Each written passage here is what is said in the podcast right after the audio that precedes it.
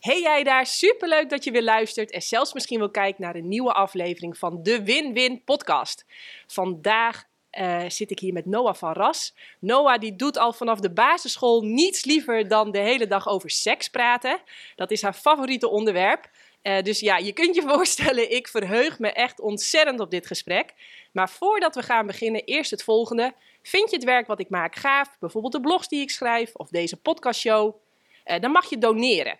Uh, je kunt naar jannekevandermeulen.nl gaan en dan zoeken naar de knop doneren. En iedere bijdrage die ik binnenkrijg, dat is echt altijd een ongelooflijk feest. Dat geeft ook echt weer de, ja, de, de, de, de, hoe moet ik dat nou zeggen? De energie om door te gaan met dit alles. Dus uh, heel veel dank voor iedereen die doneert. En dat gezegd hebbende, ja, welkom Noah. Dankjewel. Leuk dat ik hier mag zijn en uh, dat ik met jou mag praten over seks. ja. ja. Nou ja, ik denk wel dat het belangrijk is dat we eventjes vertellen hoe wij elkaar hebben ontmoet. Ja. Uh, want ik had op een random uh, post op Instagram gezegd: wie wil mij helpen met het mooi maken van mijn Instagram? Jij had daarop gereageerd. Op de manier waarop je dat deed, dat vond ik, ja, dat had ik direct een goed gevoel bij. Ik heb je niet gezien, niet gesproken, eigenlijk niet gebeld. Nee. En direct de job gegeven. Direct aan de slag, aan de slag gegaan, ja. ja. ja. ik dacht, er is maar één manier om erachter te komen met wie ik uh, aan de lijn heb. En dat is gewoon, laat maar zien wie je bent. En ik heb iets anders gedaan. Ik heb je meegenomen naar de CrossFit. Ja, dus dat vond ik hartstikke leuk. Ik moet zeggen, dat was echt out of my comfort zone. Maar zo sta ik ook wel een beetje in, in mijn leven. Van als er iets op mijn pad komt, ik zeg gewoon ja. En nou ja, toen zaten we in het auto terug van uh, CrossFit. En jij vroeg aan mij van, uh, nou hoe gaat het? Hoe gaat het met je bedrijf? Uh, en dan komt bij mij altijd toch wel naar boven, ja, hartstikke goed. Maar ik wil ook iets met seksualiteit doen. Nou, wacht even, wacht even. Jij zei, jij zei dat die eigen business. En toen vroeg ik aan jou, nou, waar gaat die eigen business over? Vaginisme. Ja. Ik denk, wat is dit voor vreemde veganist? Uh, ik, ik had er echt letterlijk nog nooit over gehoord. Maar jouw specialiteit is vaginisme. Wil jij ons alsjeblieft uitleggen wat de F is vaginisme?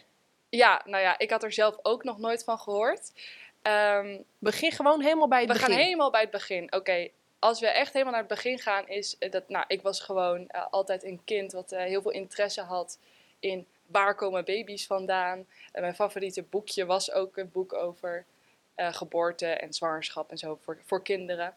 En uh, nou ja, ik was eigenlijk hartstikke vrij op het gebied van seks. En ik werd ook wel gewoon zo vrij opgevoed. En ik, nou ja, en toen op mijn uh, zestiende werd ik smoorverliefd op mijn eerste vriendje. En dat ging ook helemaal prima. En ook met seks, dat ging helemaal prima. Uh, wat betekent helemaal prima? Nou ja, de, ik, ik had gewoon het gevoel van, nou, ik heb heerlijke seks, ik heb het naar mijn zin, ik geniet ervan.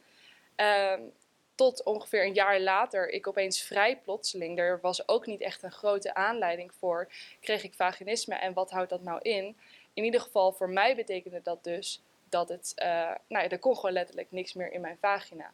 Van de een op de andere dag was gewoon, uh, mijn vagina zat potdicht. Ook gewoon qua spanning. Het zat helemaal gespannen dicht. En ik dacht, wat is dit nou?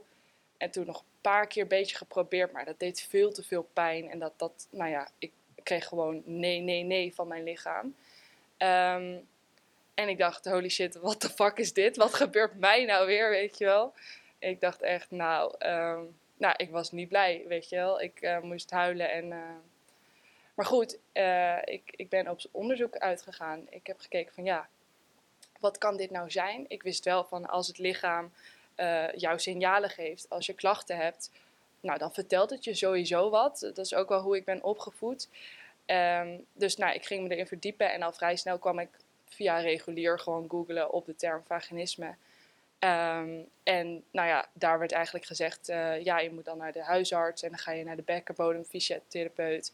En dan uh, ga je dus een uh, soort van kleine mini-dildo's steeds weer erin doen, zodat je soort van van binnenuit uh, de vagina weer oprekt, zodat die weer open gaat. En ik las dat en ik dacht, nou, dat lijkt me dus niet wat we gaan doen. Um, ja, dat, ik had daar helemaal geen goed gevoel bij. En ik... Uh... Wacht even. Dus als... Sorry, ik moet lachen. Dat is waarschijnlijk ongemak. Maar als iemand dus... Um... Als de vagina op slot is... En iemand gaat googlen Dan- Dan is de kans groot dat hij naar de huisarts gaat, dan vervolgens naar een Ja, bek- bekkenbodemspecialist. Ja. En dan gaan ze met een soort van dildootje proberen de boel weer op te rekken. Ja, dan ga je letterlijk gewoon een, eh, zoals ik het begrepen heb, want ik heb het natuurlijk niet gedaan, maar zoals ik het heb begrepen, ga je gewoon een maandenlang traject in waarin je eh, in elke sessie, met natuurlijk wel ontspanningsoefeningen, et cetera, eh, ga je dan langzaam weer zorgen dat er weer ruimte komt en dat het weer, zich weer opent. Maar ik dacht, er is een reden dat dit gebeurt. Er is een diepere kern hierachter. Ook al snap ik het helemaal niet waar de trigger vandaan is gekomen. Dus ik dacht, eh, ik ga het niet fysiek oplossen. Of uiteindelijk natuurlijk ook wel, maar ik ga even wat dieper graven.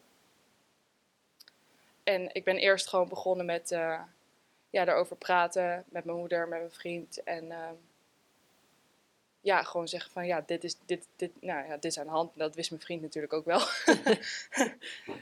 Ehm, De relatie was verder helemaal goed. ja, er was echt niks, niks aan de hand eigenlijk. Nee, helemaal niet.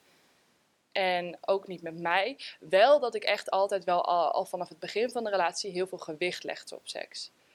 Ja, vooral, ja, ik weet niet, ik vond het gewoon heel leuk. En ik had ook ergens in mijn hoofd van, ja, seks is een soort van datgene wat een relatie anders maakt van, van een vriendschap. Ik bedoel, je bent ook 16, je bent eh, voor het eerst aan het ontdekken van wat is een relatie. Ehm, en ik voelde daar gewoon tijdens seks zo'n enorme verbinding dat ik dacht, nou, dat is dus echt wat het anders maakt dan een vriendschap. Ondanks dat ik ook gewoon die verliefde gevoelens had. Dus er was al wel enigszins zoiets dat ik was wel degene die, eh, die meer druk legde op seks. Of in ieder geval hoge seksdrive had. En ehm, ik was ook in dat eerste jaar halverwege begonnen met de pil. Nou ja, dat wist ik toen. eh, kon ik nog niet direct eh, lijntjes leggen. Maar laten we even weer beginnen. Ik zit dus op dat moment dat ik ehm, denk van fuck, wat is dit? En ehm, ik ben daar eigenlijk gewoon toen over gaan praten met mijn moeder en mijn vriend. En dat, ja, dat ik ook zei van ja, ik heb echt geen idee waar dit vandaan komt eigenlijk. En ehm, nou, allereerst zijn we dus gestopt met eh, penetratieseks hebben. Dus dat was eh, het eerste. En, eh, wat ga je, wat, wacht eventjes hoor, je bent gestopt met, wat, wat ga je dan doen? Nou ja, dat was dus ook voor ons heel erg wel zoeken. Want wij zaten ook nog wel een beetje in dat beeld van... oh, je hebt voorspel en, en je hebt dan penetratieseks en dat is dan seks. Nou ja, dat is toen die tijd dus eh geshift, ehm, die visie daarop. Van eigenlijk is het vanaf...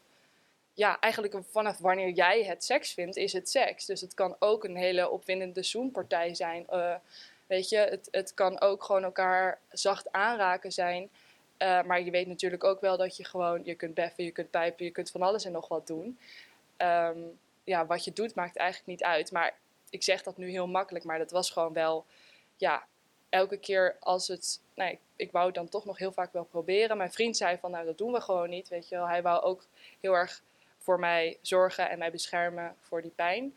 Uh, maar ik wou het af en toe wel proberen en ja, elke keer als het niet lukte, ja, dan moest ik wel weer huilen. En ik voelde gewoon heel erg van, ik moet als vrouw penetratie kunnen geven, want anders ben ik het niet waard om, om liefde te ontvangen of om, om hem te ontvangen.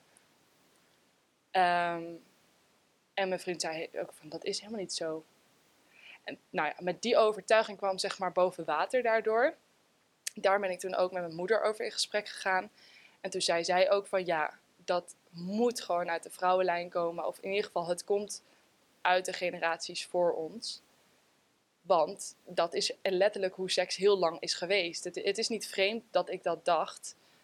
Um, en we hebben eigenlijk allemaal die overtuiging ergens misschien deep down nog wel in ons zitten. Want er zijn gewoon eeuwen geweest waarin de seks, seks van de vrouw eigenlijk gewoon eigendom van de man was natuurlijk.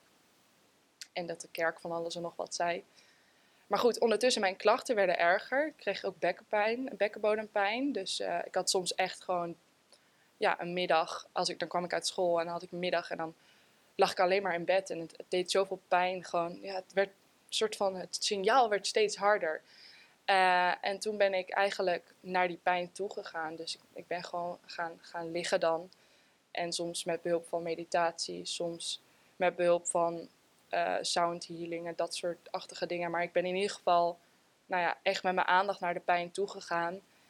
En eh, ja, toen, toen heb ik ook wel dingen gezien en gevoeld en gehoord. En je kunt je van alles en nog wat voorstellen wat in de levens voor mij, of dat nou mijn vorige levens zijn, of dat het de levens zijn van mijn oma, mijn grootover, oma, de, alle vrouwen voor mij, is er nu natuurlijk van alles en nog wat gebeurd. Verkracht, uh, misbruikt, uh, miskramen die verborgen zijn. Dat soort dingen zijn allemaal naar voren gekomen eigenlijk toen. En uh, dus ik ging aan de ene kant hè, die. Uh, dus er gebeurden eigenlijk drie processen tegelijkertijd. En mijn vriend en ik waren onze nieuwe seks aan het ontwikkelen. En als, daardoor um, begon ik ook veel meer van knuffelen te, te, houden. Want eerst had ik heel erg die focus dus op seks. Dus knuffelen was minder waardig of zoiets gevoel had ik. Dus dat, dat proces van onze nieuwe seksontwerpen speelde zich af. Uh, daarnaast had ik dus die mijn oude trauma's en mijn pijn voelde. En parallel daaraan deed ik ook um, gewoon fysieke oefeningen. Dus ik ging ook zorgen dat er gewoon fysiek spanning loskwam. Um, want ik kwam er ook gewoon achter van ik sla gewoon spanning heel erg op daar. En uh, vooral toen ik daarmee bezig ging, besefte ik me opeens: oh, wacht eens even. Ik heb mezelf eigenlijk getraind om gespannen te zijn daar beneden. Want uh, wat deed ik nou altijd? Ik schaamde me totaal niet voor seks, om erover te praten, totaal niet. Maar niemand mocht weten dat ik seks had op dat moment. Dus ik, stel je voor, ik was in de slaapkamer, we hadden seks. En mijn ouders waren ook in dat huis. Dan mocht er, er mocht niks van mij, dat mocht niet gehoord worden. Er mocht niet eens een klein idee zijn dat het gebeurde. Um, en toen in die periode dat ik dus die spanning ging loslaten, realiseerde ik me opeens dat ik dus destijds elke keer als ik een voetstap hoorde op de gang, even wachten, even stil, even, letterlijk gewoon dit. Dat was dan mijn reactie. Wat doe je dan? Je spant je bekkenbodem aan, je, je vagina span je aan. Je zegt letterlijk, nee, dit kan nu even niet.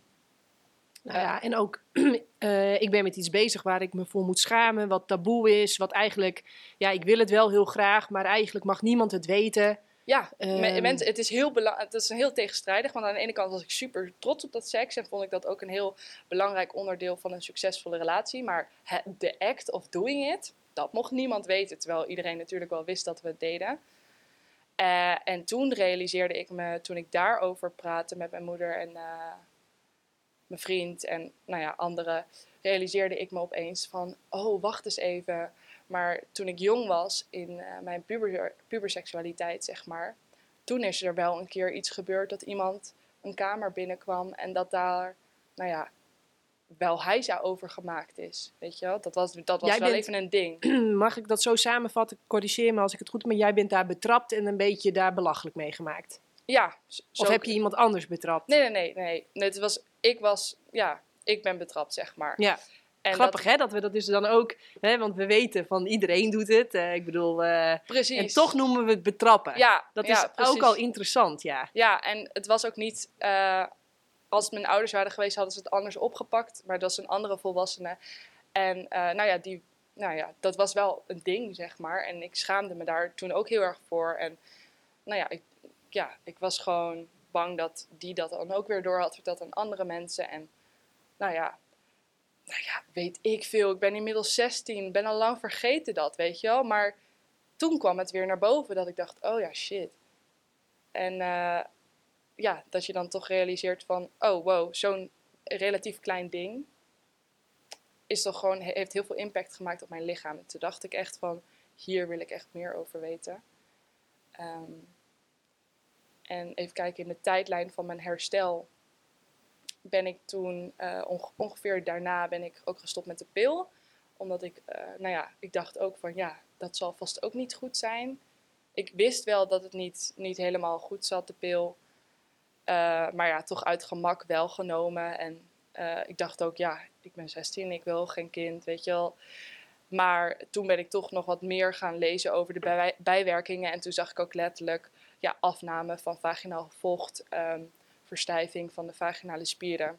En toen dacht ik echt, ja, oké, dat, dat gaat sowieso niet helpen. Dus ik zei ook tegen mijn vriend, ja, ik ga er gewoon mee stoppen, want we hebben nu toch geen penetratieseks. Dus leuk, eh, maar waarvoor heb ik het nu nog, weet je wel? Ehm, Wat, wat, wat ontdekte je nog meer? Ja, voor mij was het gewoon heel simpel.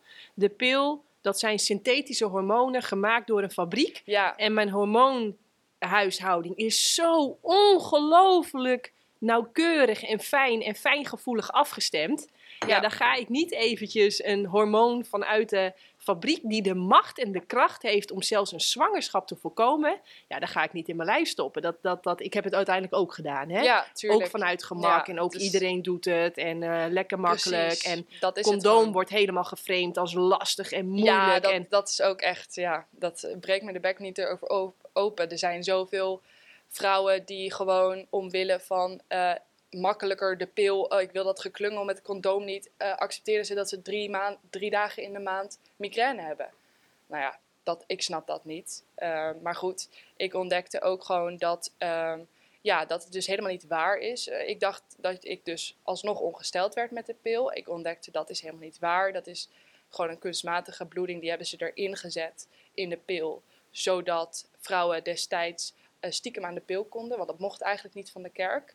Eh, maar ze hadden dus die bloeding chemisch erin gezet. Want dan konden die vrouwen doen alsof ze nog ongesteld werden. Maar die bloeding die je krijgt in die ene week in je ongesteldheid, dat is gewoon chemisch. Dat, dat is gewoon, dat is niets van je lichaam. Dat is gewoon, eh, ja, dat hebben ze gewoon zo gemaakt dat die bloeding komt. Ehm, en ik ontdekte ook dat als je aan de pil zit, eh, dan wordt gewoon je horm- hormoonsysteem zo naar beneden gedrukt. Ehm, dat, we hebben ook bepaalde stofjes, pheromonen. Ehm, en dat zijn geurtjes, eh, nou ja, stofjes om je heen aan de hand waarvan je dus kan ruiken of iemand biologisch compatible is met jou of niet. Ehm, het heeft ook wel heel veel te maken met de aantrekkingskracht. Ja, en toen dacht daarom, ik... wacht even, sorry dat Ja. ik je in de reden val, maar daarom noemen ze het ook wel eens de divorce-pil. Want heel veel vrouwen Ja. slikken de pil als ze hun man ontmoeten. Eh, die man, die doet, dat weet hij helemaal niet, maar die doet onbewust van alles op geur. En dan willen, er, nou, dan willen ze bijvoorbeeld beginnen met kinderen, dan stoppen ze met de pil en dan ineens, ja, dan klopt het niet meer. En dan wordt het ruzie en alles en dan gaan ze alsnog uit elkaar. Ja, Dus eh, Zeker ja, dat hoor je heel vaak. Da- daarom ben ik ook altijd, ja, niet kijken hoe goed ik ben, hou van mij hoor. Dat wil ik voorkomen. Maar ik ben wel altijd super blij dat ik geen pil slikte toen ik Mitchell ontmoette. Ik was helemaal clean, geen deo, geen, geen shampoo, geen crème spoeling. Was gewoon helemaal, ik rook gewoon helemaal naar Janneke. In zoverre dat mogelijk is met al die bananen en mango's. Maar eh, ik ja, en dat hij dus daarop op basis van echt heeft kunnen ruiken wie ik echt ben, om het maar even zo Ja. te zeggen. Nou ja, en thank god heb ik dus ook mijn vriend ontmoet toen ik nog niet aan de pil zat. Eh, want het bleek dus ook dat wij gewoon prima al deze ontwikkelingen door konden gaan. En ik ontdekte gewoon heel erg dat ik zo erg in mijn mannelijke energie zat. Ik, ik vond het zo moeilijk om te ontvangen. Ik was altijd maar door, door, door, weet je wel. En dat is gewoon heel erg... Nou, ik heb letterlijk van mijn zevende tot mijn zestiende, vlak voordat ik eh, met mijn vriend kreeg, heb ik altijd kort haar gehad. Echt jongensachtig kort haar. Je kunt je het nu niet meer voorstellen, eh, denk ik, als je me ziet. Maar ehm, ik zat gewoon, ik was ook altijd de one of the boys, weet je wel. En nou, op de middelbare school wel meer meidenvriendinnen. Maar ja, als ik nu dan terugdenk, eh, dan denk ik wel van ja, ik zat gewoon heel erg in die mannelijke energie. Daar is niks mis mee. Ehm, maar toen op mijn zestiende eh, heb ik een een keer een heling gedaan. Dat, en ik stond voor de spiegel en eh, toen was het echt van, nou, ik, ik ben vrouw, ik wil vrouw zijn, ik mag vrouw zijn. En toen besloot ik van, ik ga mijn haar laten groeien. Natuurlijk, ik zeg helemaal niet dat dat haar er iets mee te maken heeft, maar in mijn leven is dat een symbolisch iets geweest. Ja, ik, mag ik hierop inhaken? Want de, de man-vrouw is tegenwoordig helemaal hot en happening. Ja. En ik heb het idee dat het niks met man-vrouw te maken heeft, maar dat het alles te maken heeft met het afdoen van je maskers, je harnassen, je, je aangeleerde patroontjes, Precies. imago, om je maar voor te doen op een manier die je eigenlijk niet echt bent. Dus dat het, dat het eerder een persona is dan dat het per se eh, mannelijk-vrouwelijk is. Maar dat het eigenlijk gewoon ermee te maken heb- heeft dat je af bent gedreven. Wat niet per se erg is, hè? want het heeft je op een manier gediend en Ja, het heeft je op een plek gebracht. Maar dat het eerder thuiskomen bij jezelf is dan dat het per se met. Ja, waarom ik eh, en velen denk ik het woord mannelijk-vrouwelijk gebruiken, is meer omdat het, ehm, het is een soort archetype. Dus ehm, weet je, het, is, het gaat er ook helemaal niet over wat voor mix je als vrouw zijnde hebt. Dat je als vrouw zijnde, weet ik veel, eh, meer vrouwelijke energie hebt of meer mannelijke energie. Het is, je kunt het ook bezien als waterenergie en vuurenergie. Het, het, het zijn gewoon twee energieën die anders werken. En die hebben wij beide in ons. En daar hebben we een harmonie tussen te vinden. Ook wel het innerlijk huwelijk. Maar ja, dat is dan weer een beetje overgespiritualiseerd. Als in dat wordt. Dat, ja, het, ik vind het een hele mooie beschrijving. Maar dat moet je ook niet te veel over na gaan denken van hoe kan ik dat bereiken. Ik denk dus dat als je gewoon in het leven staat, dan komen er vanzelf dingen op je pad die je in harmonie brengen. Bij mij dus ook zo. Uh, want het is uiteindelijk super leerzaam geweest. Want ik ken aan de ene kant heel erg die vuurenergie. En ik ben daar dus gewoon meer waterenergie aan toe gaan voegen eigenlijk. En uh, het mooie was, dat nodigde, nodigde mijn vriend ook uit om meer in zijn mannelijke energie te gaan staan. En meer in zijn vuurenergie. En ja, daar zijn we eigenlijk uh, tot op de dag vandaag nog steeds mee aan het groeien natuurlijk. Um, en het Want is... hoe oud ben jij nu, eh, Noah? Ik ben nu 20. 20? Ja. Oké, dus je zit nu zeg maar een soort van vier jaar in dat proces. Ja, zoiets, ja. En nog steeds dezelfde vriend? Ja, nog steeds dezelfde vriend, Leuk. ja, zeker. Ja, dus um, ja, nou dat kwam dus ook, dat we meer leren ontvangen. En uh, ja, langzamerhand uh, ging het weer. In ieder geval ging het weer. Ik uh, ervaarde nog steeds pijn toen wij het weer gingen proberen. Alleen het was wel degelijk anders. En daarbij ben ik ook heel dankbaar aan mijn vriend dat hij heel goed altijd de vinger aan de pols houden. Hij zag dat echt een beetje zo, bij wijze van spreken, als zijn taak om te kijken van kan het wel echt of is het Noah in haar hoofd die denkt dat we nu wel kunnen. Um, er was wel echt wat veranderd. Dus uh, ik was weer vochtiger, ik was weer opener, maar het deed bij mij nog wel pijn. En toen dacht ik, ja, ik kan wachten tot het moment dat de magic, de pijn helemaal weg is. Maar ik dacht toen van, ja, waarschijnlijk moet het ontkrampen. Want het was natuurlijk spanning die daar zat. En ik had inmiddels gelezen van, ja, spanning moet aangeraakt worden. We kunnen in ons vaginaal weefsel, uh, zoals in elk weefsel van ons lichaam, kunnen we dingen vasthouden.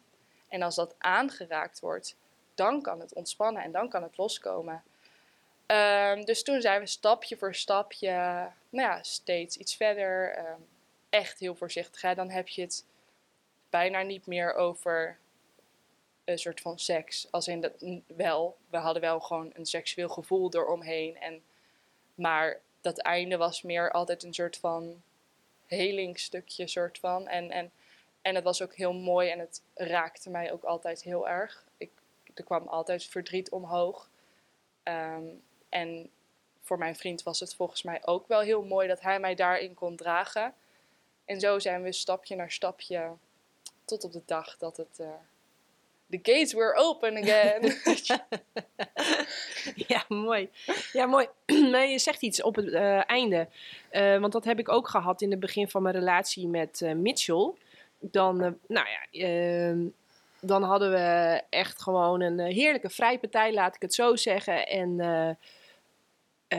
en dan waren we beide klaargekomen en dan ineens moest ik huilen. Ja. En dan vroeg Mitchell, huh, wat is er? Heb ik je pijn gedaan? Weet je wel, echt super bezorgd. Ik zeg, ik weet echt niet wat er is. Ik heb ook niet het idee dat er wat is. Ik zit ook helemaal niet in mijn hoofd, kan eigenlijk helemaal niet denken. Maar ik moet wel huilen. En wat, hoor je dat vaker? Ja, ja, zeker. Dat hoor ik wel echt wel vaker. En uh, dat heb ik zelf ook wel eens. En het is, Kijk, zolang er geen fysieke pijn is, is het altijd iets goeds dat je gaat huilen na het orgasme. Tenminste, dat is mijn mening. Want uh, of het is opgeslagen verdriet of trauma wat aangeraakt wordt, of het is ontroering omdat je zo diep bij elkaar bent geweest, of het is gewoon emotionele ontlading van je dag.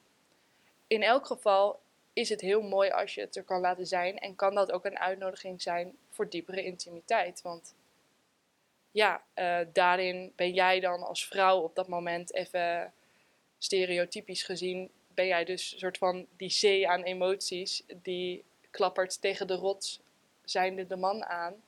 En als je dat proces met elkaar aan kan gaan, dan uh, zorgt dat ook wel weer voor verdieping in je relatie. Dus uh, Ja. En, en kan het zijn dat ik daar eh, door de generaties heen of zo pijn heb opgeslagen, of verdriet, of trauma, of weet ik veel wat. En dat dat letterlijk aangeraakt is, hè? want dat zei jij ook letterlijk, die spanning is aangeraakt. Ehm, want het gebeurde niet als we even snel voor de training. eh, Nee, nee, nee, nee. Niet in de quickie, zeg maar. Nee, in een quickie, leuk woord. Nee, Ja. dan gebeurde dat niet. Dat gebeurde echt altijd ja, op. op Ja. ehm, ja, dat is gewoon eh ja, transformatieseksualiteit noemen ze dat dan. ja. Ja. maar op een gegeven moment leek het wel alsof het, alsof het geheeld was. Toen was het niet meer. Ja, dat kan best. Ja, Kan, dat- dat kan? ja. het kan gewoon eh, zo vaak aangeraakt zijn. Ja, het kan dat daar iets zat en dat is dan regelmatig aangeraakt en dat is dan klaar. Ja. Ja. Ja, mooi. hey, ehm, heb jij zeg maar een beetje goed verteld van... eh, ik ben nog Ja. heel nieuwsgierig ook hoe je dat dan echt aangepakt en opgelost. Hè? Want je zei, ik was met drie dingen bezig. Ik en mijn Ja. vriend, wij moesten een nieuwe manier van seksualiteit met elkaar Ja, ontdekken. en da- daarbij heb, ben ik nog vergeten om te zeggen dat bij het ontdekken van die nieuwe seksualiteit was ook een cruciaal ding dat we beide zijn gestopt met porno kijken. Maar daar kunnen we misschien nu of later Ah, dan- op uitdiepen. Ja, heel graag. Maar dat, ik heb het Later. opgeschreven, dus Ja. daar komen we later op terug. Ja. Ja. En dat tweede was jezelf helen. Ja. Daar wil ik eigenlijk nog wel meer van weten. Van, heb, je, heb je hulp gehad van een expert? Of, of, of Ehm, heb je echt letterlijk alles uit eigen boeken? eh, Nou ja, ik heb heb wel je een heel- coach gehad? Ik heb wel heel veel gehad aan mijn moeder. En mijn moeder, toen ik eh, bij mijn moeder in de buik zat, deed ze reader healing opleiding. Ze heeft eh kindercoaching opleiding gedaan. En zij, nou ja, zij eh, is gewoon al twintig jaar eh, bezig met het zelfgenezend vermogen en, ehm, en ja, dat soort dingen. Eh, dus Je moeder luistert heel toevallig mijn podcast. Wat Ja, wij niet wel, wisten. ja, ja. Ja, dat is, eh, en je tante las mijn boeken. Het is echt heel grappig. ja.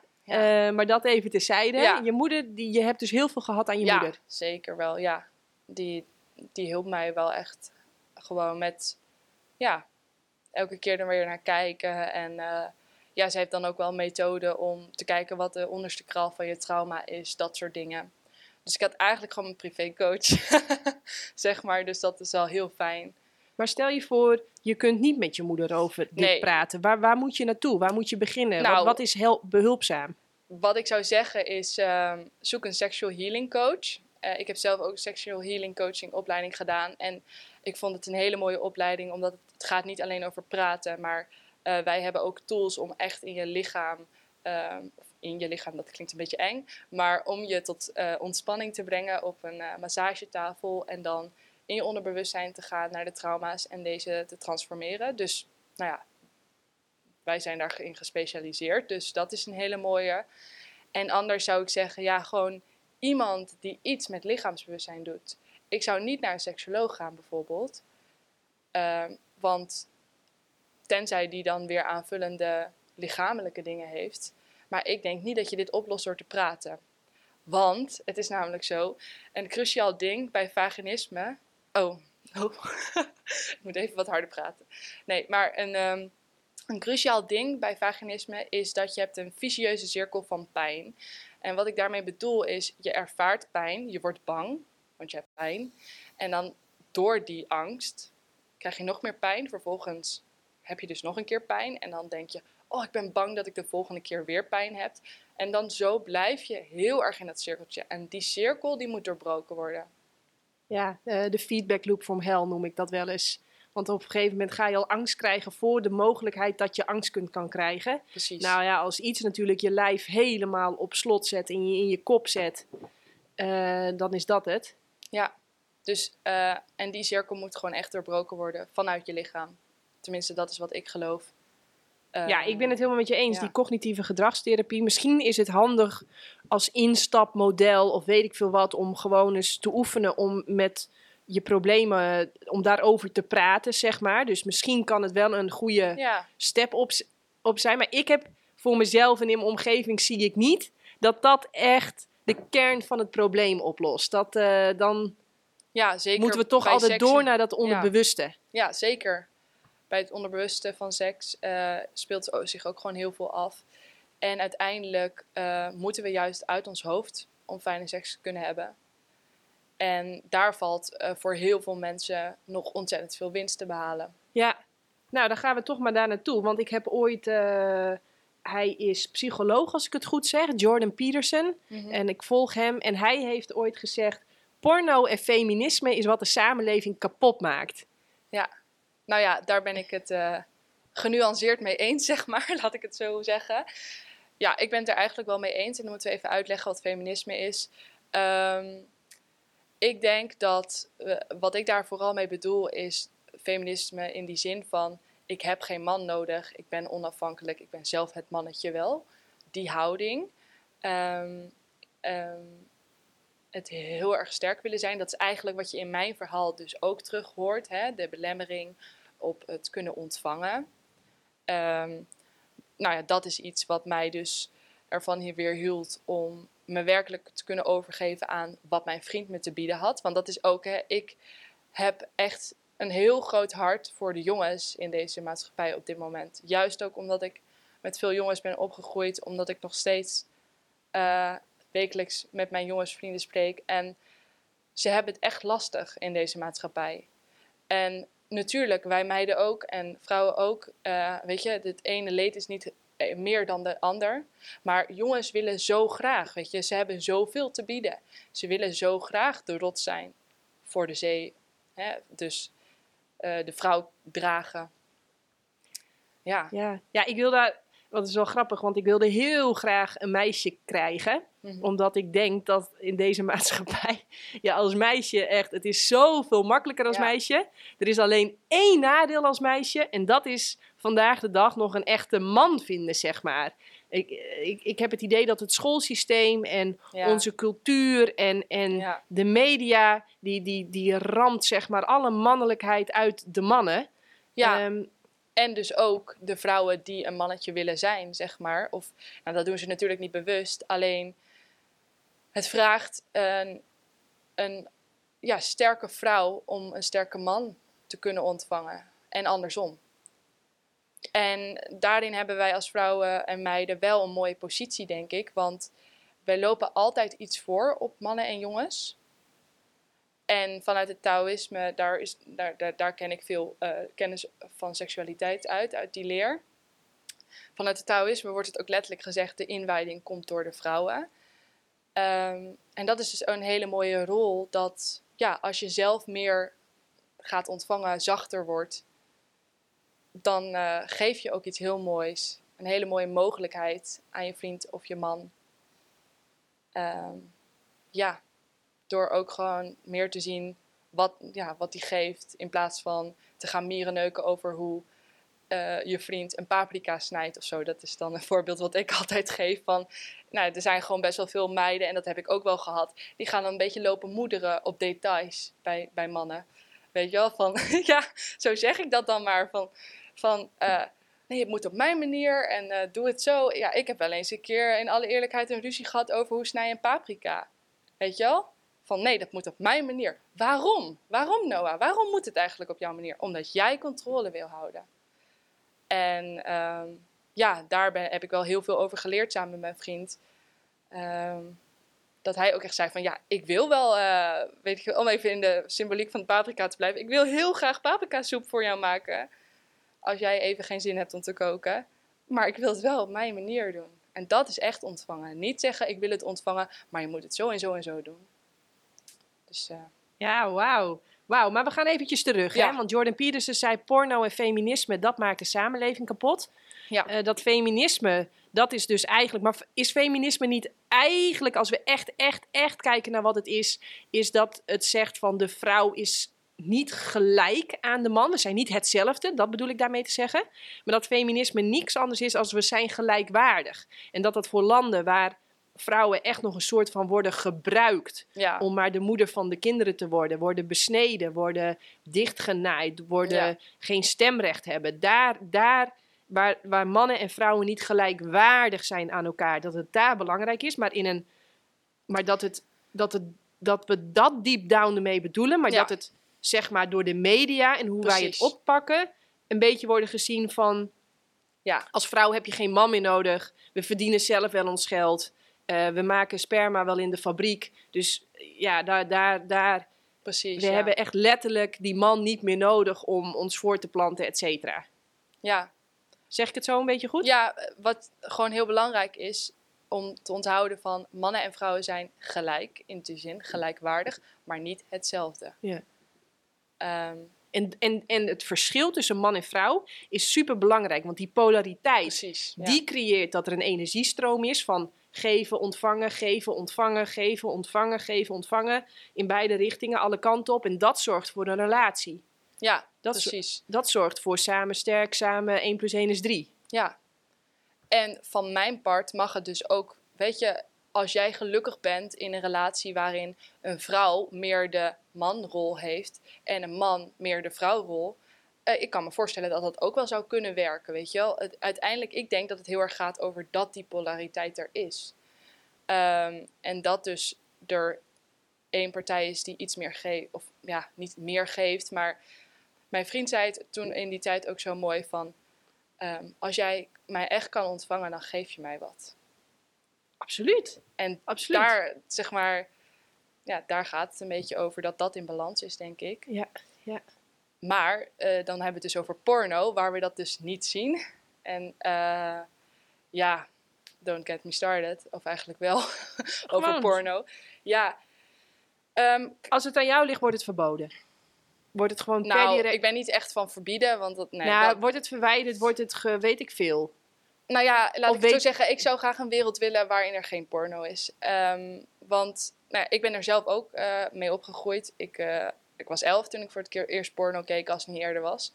Ik bedoel, eh, ja, mijn generatie al helemaal. We zijn allemaal opgegroeid met mobieltjes. Google op seks en je vindt Pornhub. Ehm, en ik vond dat super interessant. En ik was super, ja, ik was gewoon echt een hele, ja, zoals wij dat dan zeggen, horny puur, zeg maar. Ik had altijd wel zin en eh, het moest ergens heen. En dan ging ik porno kijken en dan, eh, nou ja, kan je jezelf wel voorstellen. Nee, ik kan me echt helemaal niks bij voorstellen. Want Nou ja, dan kijk je porno en dan ga je even in twee minuten eh, je ding doen en dan kom je klaar en dan ga je weer verder met je dag. Oké. Dat. Ja. Ehm, maar goed, toen kwam dus dat vaginisme. En ehm, nou ja, toen realiseerde ik me wel van, oh shit, ja, dat, eh, die overtuiging van ik ben het niet waard als ik geen penetratie kan geven, komt denk ik ook wel heel erg van porno vandaan. Dus toen ging ik me verdiepen in, ja, wat doet porno eigenlijk? Ik wist ook wel, het is niet goed. En ik had ook altijd van mijn ouders gehoord, wat je ziet in por- porno is niet echte seks. Ja, de weet ik ook wel. Maar goed, ik ga gewoon kijken, weet je wel. Dat denk je dan als puber, of in ieder geval ik. Ehm, maar wat porno dus doet, is je kijkt ehm, naar mensen die eigenlijk nepseks hebben, want het is gewoon een toneelstukje. Ehm, en jouw ogen signaleren wat daar gebeurt.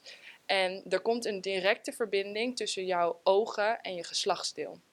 De rest van je lichaam wordt overgeslagen.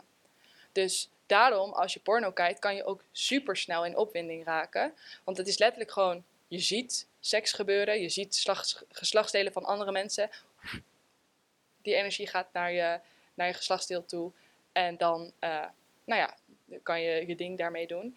Eh, maar ondertussen krijg je wel al die onderbewuste dingen mee van porno. Hè? Van hoe het gaat en hoe je de ander eh, behandelt. Maar ook bijvoorbeeld, we weten helemaal niet, doen die mensen dat wel vrijwillig? Die in porno spelen. We weten helemaal niet, voelen zij zich wel fijn of niet?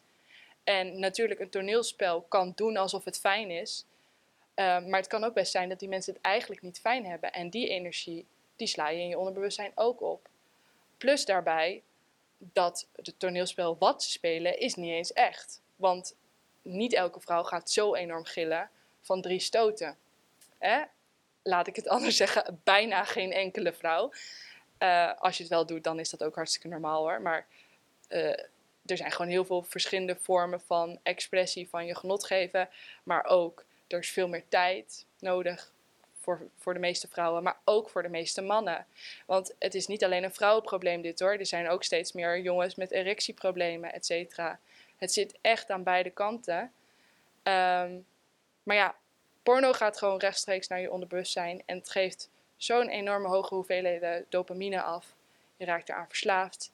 En ehm, je hebt vervolgens veel en veel meer visuele prikkels nodig in het echte leven om nog een beetje dezelfde hoeveelheid aan opwinding te kunnen ervaren. En dat is ook waarom op een gegeven moment ja, moeten dan een beetje de, de, pakjes aan en dat soort dingen. En dan ga je met meer visuele... Sorry, sorry, dan moeten op een gegeven moment de pakjes aan? ja, weet ik veel. Uh, je bedoelt dan dat je... Nou, dat dan je... moet er bijvoorbeeld um, lingerie in het spel komen of uh, andere um, spannende dingen. Omdat er dan dus niet meer genoeg opwinding... Omdat het oog niet meer genoeg opwinding krijgt. Want je wordt dus geprogrammeerd dat je vanuit je, je oog signalen stopt naar je uh, geslachtsdelen. En dan ga je op die manier seks hebben, zeg maar.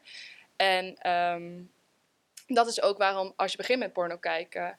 Uh, dit, de meeste jongens die beginnen gewoon met normale porno kijken. Gewoon, ik weet niet, gewoon een, iets wat lijkt op normale seks. En het wordt steeds spannender. Dan gaat shoplifting kijken. Of er zijn heel veel verschillende categorieën van porno. Dus je, hebt ja, allemaal verschillende. Je hebt ook uh, een hele categorie van. Um, hoe heet dat ook alweer? Uh, stepdaughter of zo. Dat zijn allemaal van die stiekeme verhaallijnen zitten er dan omheen. Het moet steeds spannender worden om nog dezelfde prikkeling en nog dezelfde opwinding te krijgen als wat je ooit gewoon met de vrij naturel porno Wow, had. dit klinkt gewoon echt als alcohol. Je moet steeds meer suipen om de roest te ervaren. Je moet steeds meer drugs gebruiken om, om Ja. te kunnen ontspannen. Je moet dus ook steeds meer en heftigere en spannendere porno gaan kijken Ja. om nog diezelfde dopamine shot aan te maken. En, eh, en, en, en waarom is dit echt desastreus voor mannen? Eh, nou, voor mannen al helemaal, omdat die, die eh, zijn sowieso meer visueel ingesteld dan vrouwen ehm, op het gebied van seks. Ze leven ook over het algemeen iets meer in hun hoofd dan vrouwen. Nog iets meer, want wij vrouwen tegenwoordig ook. Eh, en wat er dan gebeurt is dan, ehm, ja, dan, dan zit er dus een vrouw op zo, of maakt niet uit in wat voor positie. Maar in ieder geval, ze zien borsten bewegen. En dan, het is gewoon een soort van porno XXL, een soort van premium version van porno. En dan vergeten ze hun onderbewustzijn, hè, dat is niemand bewust, maar dan vergeten ze bijna dat het een vrouw is, weet je wel, dat het hun vrouw is. Dan is het bijna gewoon een plaatje. En eh, dat is ook de reden waarom eh, sommige mannen dan heel snel klaarkomen. Want dan is het zo, zeg maar, porno premium van wow. En dan uh, met dezelfde je, snelheid Ik als... wil dit gewoon ja. samenvatten. Als het is fucking nep.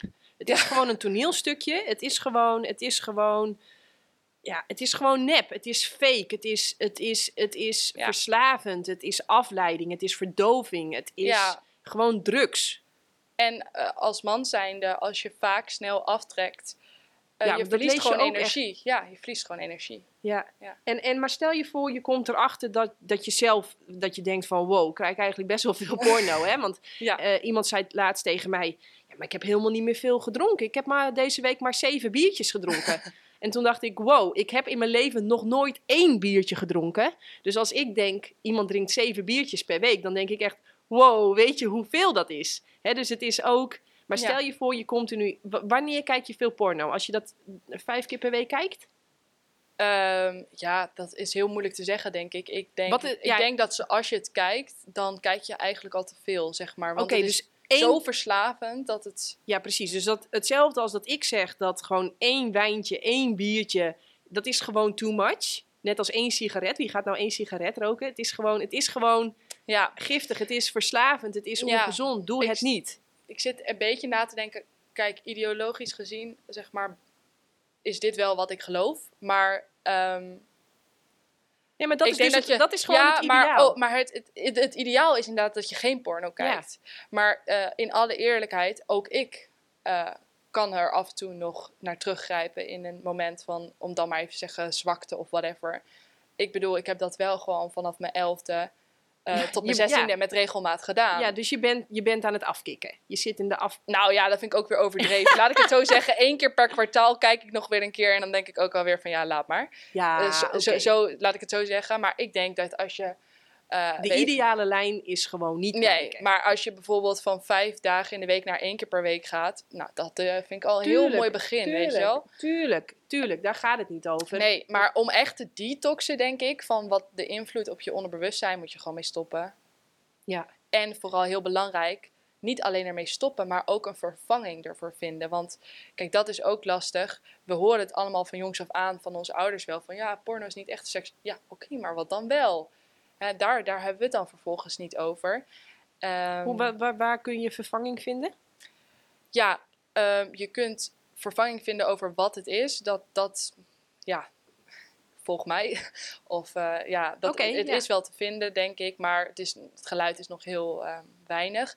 Maar wat ik zou adviseren als je dus porno hebt eh, gekeken en eh, ja, je gaat nu weer verder met je leven, is om dan op een andere manier te gaan masturberen. En juist soort van, het is heel erg mooi. Eigenlijk, het is heel belangrijk dat je eh, met jezelf de liefde bedrijft, om zo maar te zeggen. Alleen als je porno kijkt en je trekt je even snel af of je vingert even snel, dat is niet de liefde bedrijven met jezelf. Maar ehm, juist als je dus die gewoonte omzet in een gewoonte waarbij je echt de tijd neemt voor jezelf. En eh, zeker als man zijnde even loskomt van de beelden en je eigen lichaam begint te voelen van hé, hey, wat is hier, wat zit hier eigenlijk en waar voel ik dingen? Ehm, ja, dat kan super waardevol zijn, omdat je dan dus ook activeer je weer dat hele gebied wat je gemist hebt. Want het ging alleen over je ogen en je geslachtsdeel. Terwijl je hoofd, hart en je bekkens en alles daartussen, daar is waar het werkelijke genot gebeurt. En daar is ook waar je verbinding kan vinden met je partner. En dat is iets waar we allemaal heel erg naar verlangen en naar op zoek zijn. Want in de eerste drie maanden van onze relaties heeft iedereen geweldige seks. Iedereen vindt het fijn over het algemeen. En dan zijn die drie maanden voorbij. De verliefdheid begint een beetje te temperen. Ehm, de, de hotel de total hormonen gaan weg. En dan wordt seks vaak langzamerhand toch een issue. Je gaat toch een keer seks hebben, terwijl je eigenlijk geen zin hebt. Je gaat toch een keer iets doen, terwijl je ergens in je lichaam voelt: shit, nee, heb geen zin in. En dan denk je, dat maakt niet uit, ik doe dat voor mijn partner. Uh, op de lange termijn doe je dat niet voor je partner. Uh, in die zin van, op de lange termijn krijg je daar de rekening van. In je relatie en in je seks. Want uh, elke keer als jij denkt van, ik doe het toch maar, ga je over je eigen grens heen. En dat gaat de ander voelen. Of die dat nou bewust of onbewust doet. Er is een reden waarom heel veel lange relaties op een gegeven moment periodes hebben waarin er niet eens over seks gesproken kan worden. Zo allergisch zijn beide partners ervoor. Dat komt gewoon omdat er is zoveel nooit gezegd. Er zijn zoveel grenzen niet aangegeven. Er zijn zoveel dingen gewoon maar geslikt, zeg maar. Letterlijk en figuurlijk. Ja, letterlijk. Sorry. Inderdaad, letterlijk. Ik dacht het ook. Same dirty minds hier. maar uh, ja, dus bij jezelf beginnen en je grenzen, letterlijk gewoon je fysieke grenzen leren voelen van hé, hey, waar zitten mijn armen? Oh, dit, oh, dit stukje voelt misschien fijn om aan te raken. Dit voelt niet fijn om aan te raken. Wat als ik een keer, um, weet ik veel, aftrek, even stop en dan weer doorgaat? Wat doet dat met mij? Je lichaam gaan belichamen. In plaats van met je hoofd even snel klaarkomen. Ja. Ja. Ja. En waarom maakt porno de samenleving dan kapot? Eén, even, we gaan het even samenvatten. Gewoon, ja, je, je creëert een, een nep, onrealistisch beeld van, van seks, van een relatie, van man-vrouw, van de rolverdeling. Van, het is gewoon nep, het is... Het is Ja. ja en, het, en het maakt... Het, het haalt de verbinding met je lichaam weg. Ja, dus Ja. het maakt de man eigenlijk zwak. Ja, en de vrouw e- evenveel, denk ik. Ja. het- gewoon degene die het kijkt, raakt zijn verbinding met zichzelf en zijn eigen lichaam kwijt. Bam. En kan dus ook niet meer verbinden met whatever. Ja. Want Ja. als je niet verbonden bent met jezelf, ja, waar moet je dan inpluggen als je niet eens een plug-in hebt? Weet je wel? Ja, ja, ja, ja. wauw, dat zeg je echt heel mooi. Ja. Ehm, stel je voor, je bent op dat punt van, ehm, ik zeg maar wat, eh, weet ik veel. Jij zei net, soms, sommigen zijn zo allergisch voor seks. Ze praten, ze hebben al een jaar niet elkaar aangeraakt en niet over seks gepraat. Waar begin je dan? Ik heb jou ooit de zeven Ja. sluiers horen zeggen. Ja, Wil je daar wat meer over vertellen? Dat is waar je begint. Eh, en dat is dus eigenlijk ook wat ik destijds toen met het vaginisme heb gedaan. Maar zeven sluiers? Ja, zeven sluiers. eh, dat komt ook uit Taoïsme. En dat zijn dus zeven stappen van eh, intimiteit, seksualiteit. En dat, ik zie het ook wel een beetje. Ik weet niet zeker of zij dat in Taoïsme ook zo beschrijven. Of dat, dat is hoe ik het voel. Maar dat maakt eigenlijk niet uit. Ehm, ik zie het ook wel een beetje als letterlijk zeven sluiers om je heen. Zeg maar zeven bubbels. En de bubbel wordt steeds kleiner. Want de allereerste sluier is oogcontact. En dus die sluier van intimiteit betreed je met bijna iedereen. En wij kijken elkaar nu aan. En wij weten, oké, we kijken elkaar aan. En dat is het alles wat we gaan doen. ja, ja, misschien gaan we elkaar nog een hand geven. Maar we gaan in ieder geval niet eh, een intimiteitsgebeuren betreden. Ehm, maar dan is het tweede eh, sluier is, ehm, dat je elkaar dus langzaam gaat aanraken. Je bent nog steeds over het algemeen in het, in het publiek. Eh, weet ik veel, ergens op date. Je pakt een keer een hand vast. Je geeft misschien een kus op de wang of op de mond. Eh, geen tong, zongtoen. Zong, tongzoen. Ehm, maar gewoon heel betamelijk. En dan eh, de derde sluier is... Nou, dan wordt het toch al wat hè, ergens in een steegje of ergens vlak voor je huis beetje friemelen, nog gewoon hè, kleding nog wel aan. En dan komt de songtoen, de tongzoen gaan we weer. De tongzoen in, uh, in het spel en het wordt al wat heter. Uh, en dan uh, de vierde sluier is, dan, dan gaat de kleding uit. Um, en je raakt elkaar overal aan. Maar er is zeker nog geen sprake van penetratie. En dan, nou ja, je gaat elkaar ontdekken en ook heel erg de focus leggen, idealiter, op wat de vrouw fijn vindt. Want die heeft natuurlijk ook nog wat meer tijd nodig om op te warmen over het algemeen dan mannen. Um, uh, volgens mij zelfs de meest geleerde Taoïsten zeggen dat je in die sluier als vrouw wel orgasme mag hebben, als man niet. Ik probeer het te vertalen naar het meest praktische en dan zeg ik, doe gewoon zorg dat er geen penetratie is en dan wat er gebeurt mag gebeuren. Maar... Oké, okay, maar ik vind wel echt dat je iets heel belangrijks vindt. Want wij hebben, om maar het even te zeggen, als we al regels hebben. Ja. Maar ik vind het echt not done als Mitchell zeg maar klaarkomt voordat ik überhaupt wat dan ook. Ik vind het echt de gouden regel. Volgens mij kun je als man jezelf niet een grotere dienst bewijzen dan geduldig zijn, die vrouw alles geven wat ze maar wenst. Ja. En dan krijg je echt als man volgens mij de meest fantastische seks waar je niet eens van had kunnen dromen. Ja. Maar geven, geven, geef als man, geef als man, dien als man, dien als man. Wacht van mij paar drie dagen. Ja. En, en, en dat die vrouw op een gegeven moment helemaal... helemaal... Is ook wel zo, ja. Dat is ook wel, er wordt ook wel gezegd van, uh, zeggen de Taoïsten dan ook weer van, geef een vrouw pas penetratie als ze er alleen maar om schreeuwt. Van, nou, geef het ja, maar, geef. ja, ja. ja, dat is idealiter het mooiste. Maar dat, en dan komen we wel weer bij porno. Dat haalt natuurlijk een st stukje ongeduld. Die man die wil gewoon... Precies, ja, ja precies. Terwijl geduld, volgens mij als man, ja, dat... dat, dat, dat ja. En geduld en dus ook aanwezigheid in je lichaam. Uh, want je hebt dus geleerd op je slaapkamertje met je porno om snel, snel, snel af te trekken.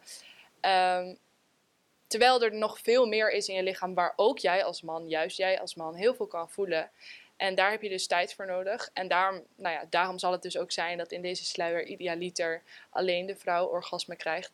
Ik probeer het te vertalen naar de wereld van jongeren. En dan is elke verbetering al een verbetering. Ja, oké. Uh, ja, nee, nee, nee, nee. Maar dat vind ik betutteling. Deze, deze, deze podcast gaan Ja. we eventjes voor het ideaal. ja, oké. En, goed. en, en, want mensen gaan zelf wel die tussenstappen Tuurlijk, creëren. Want tuurlijk, je kan ja. toch niet van 0 naar 100. Nee, Dus laten we ervan uitgaan dat we in deze podcast gaan we even voor het, voor Ja. het ideaal. precies. Nou goed, en dan heb je in de zevende stap, eh, trek je... Wat was zes? Oh, nee, zes. Ja, inderdaad. Vijf. gaan we naar de zesde. Ja, de Vijf. vijfde was dus... Nee, eh, de vijfde hadden we... Vierde was eh, het hele lichaam aanraken. We hadden één, kijken. Ja, Twee, misschien een kusje, een handje, een, een, een oeh, spannend, Ja. leuk, maar we gaan elkaar aanraken. Die vonk gaat echt overslaan. Derde was ehm, iets meer aanraken. Vierde was kleding uit. Oh, ja, dan denk ik dat de, de vierde is dus nog niet kleding uit. De vierde is eh, Alleen, met, alleen met, eh, dat je ook de geslachtsdelen mag aanraken, maar nog wel met kleding aan. Oké, Dus een beetje, een beetje friemelen, dat een beetje eh, droogneuken wordt het ook wel genoemd. Ja, ja, mooi. ja, dat is, eh, als je zegt droogneuken, dan snapt Ja. iedereen wel wat je bedoelt. Ja, dus je mag nog geen natte vingerhalen, zoals wij Nee, vroeger altijd voor de grap zeiden. En dan heb je dus inderdaad die vijfde sluier is waar we het net over hadden. Neem alle tijd, ontdek elkaar. Zie het ook echt als een ontdekkingsreis. Neem de tijd voor de vrouw. Wees aanwezig bij elkaar. Eh, stel dat orgasme als man zijn er nog even uit. En dan heb je de zesde sluier en dan is het all the way, zeg maar. En dan eh, mag er dus ook ehm, penetratie plaatsvinden. Ehm, dat is dus de laatste stap eigenlijk eh, in bed eh, qua dus van de sluiers. Ehm, en dan idealiter gezien ehm, komt de man niet klaar in de vagina. Dus die, die mag wel klaarkomen, maar niet daarin. Want namelijk de zevende sluier is praten over of je een baby wilt of niet. Dus dan trek je je, trek je, kleding weer aan en dan ga je met elkaar het gesprek aan van eh, ja, hoe willen we dat doen?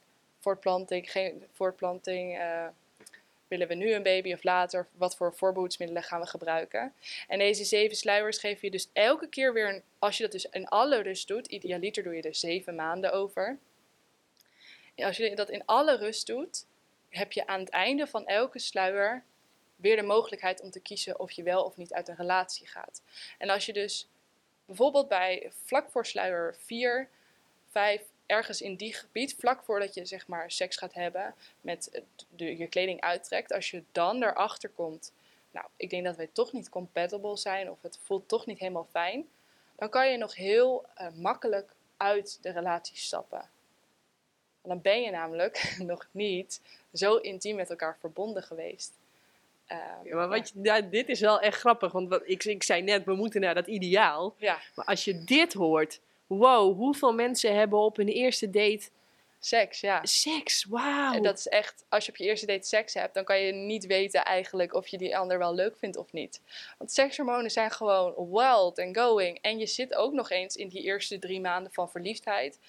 Dat wordt in het Taoïsme letterlijk gewoon eh, een psychose genoemd. Het, Hypnose, Ja, psychose. ja, dat, is, dat zijn gewoon, ja, je bent gewoon niet meer jezelf, niet op aarde. Oké, dus als ik jou goed begrijp, dan zeg je als je iemand ontdekt, heb de eerste maanden.